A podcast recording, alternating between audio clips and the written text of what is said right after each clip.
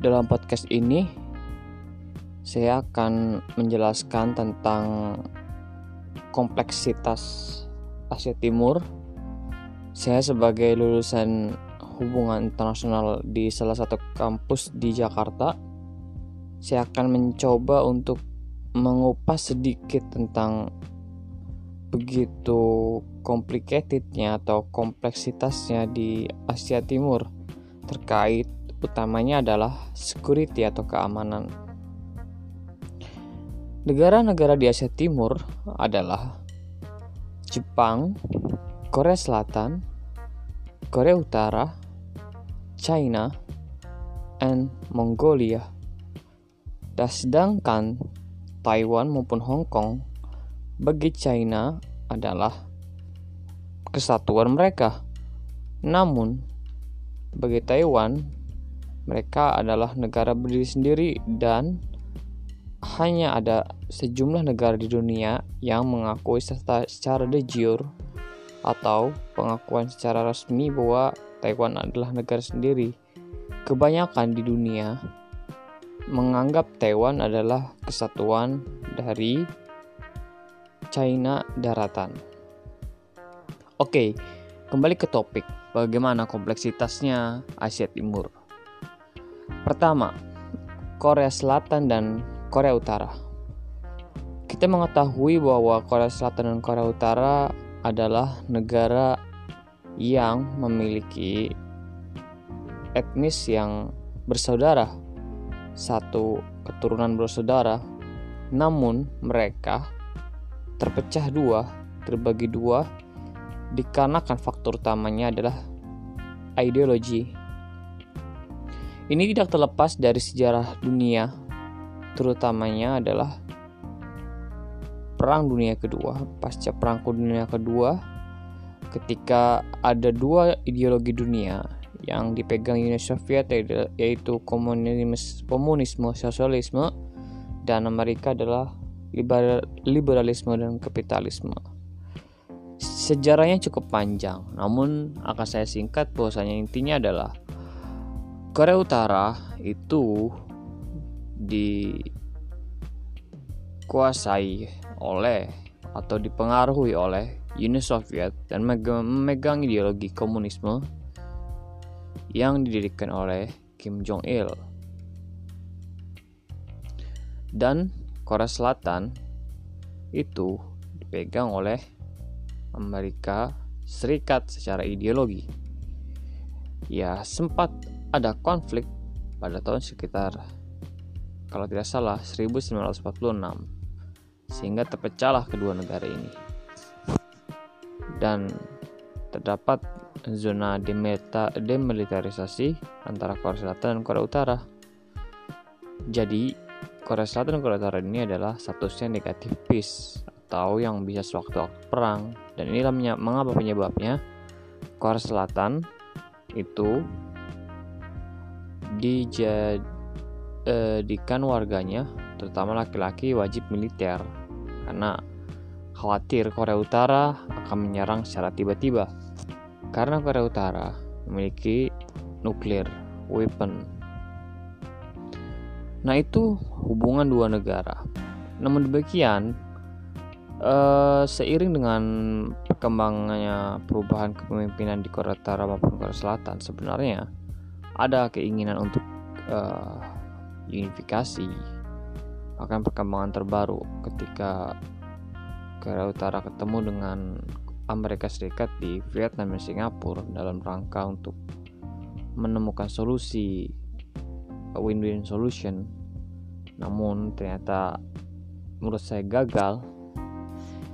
Ya itu adalah suatu proses perkembangan di semenanjung Korea dan tidak terlepas dari negara besar jadi sebenarnya menurut saya itu Korea Selatan dan Korea Utara itu dalam hati jika diibaratkan seperti manusia mereka sebenarnya ingin bersatu. Namun Amerika Serikat yang memiliki perjanjian fakta pertahanan dengan Korea Selatan serta negara besar lainnya seperti China dan eh, Rusia tidak menginginkan Korea Selatan dan Korea Utara bersatu.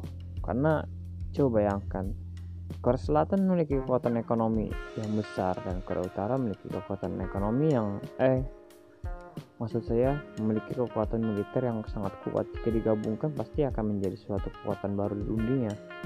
Maka menjadi dilematis ketika proses dialog kedua negara ini akan ada ikut campur dari tiga negara besar itulah salah satu kompleksitas di uh, Asia Timur yang kedua adalah Jepang itu tidak disukai oleh Korea Selatan, Korea Utara maupun China. Kenapa demikian?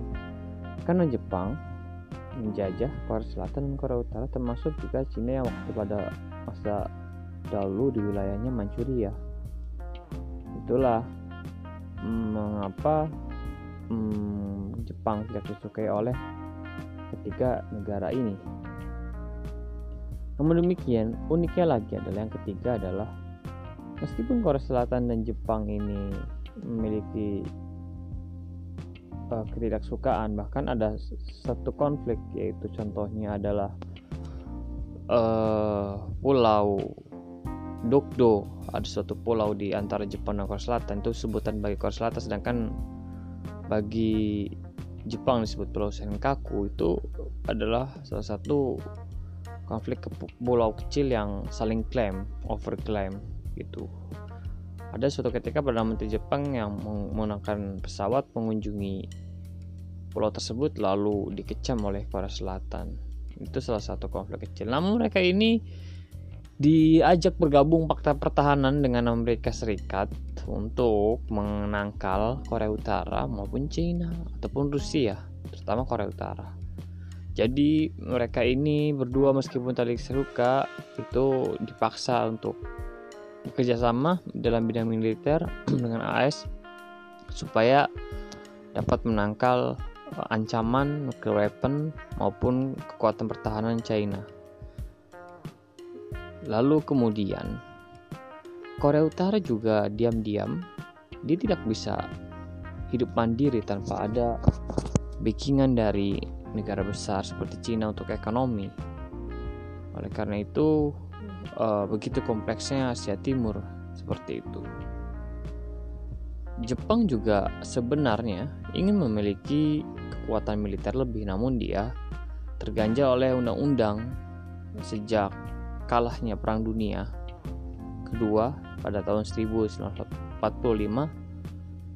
yang uh, melakukan dilakukannya tanda tangan oleh pemerintah Jepang dan kekaisaran Jepang terhadap Amerika Serikat atas kalahnya Perang Dunia Kedua dan akhirnya Jepang tunduk terhadap AS dan militernya undang-undangnya tidak boleh masif. Jepang tidak bisa ekspansif. Jadi sebenarnya Jepang ingin memiliki kekuatan militer untuk menangkal uh, rudal ataupun nuklir ancaman nuklir korut.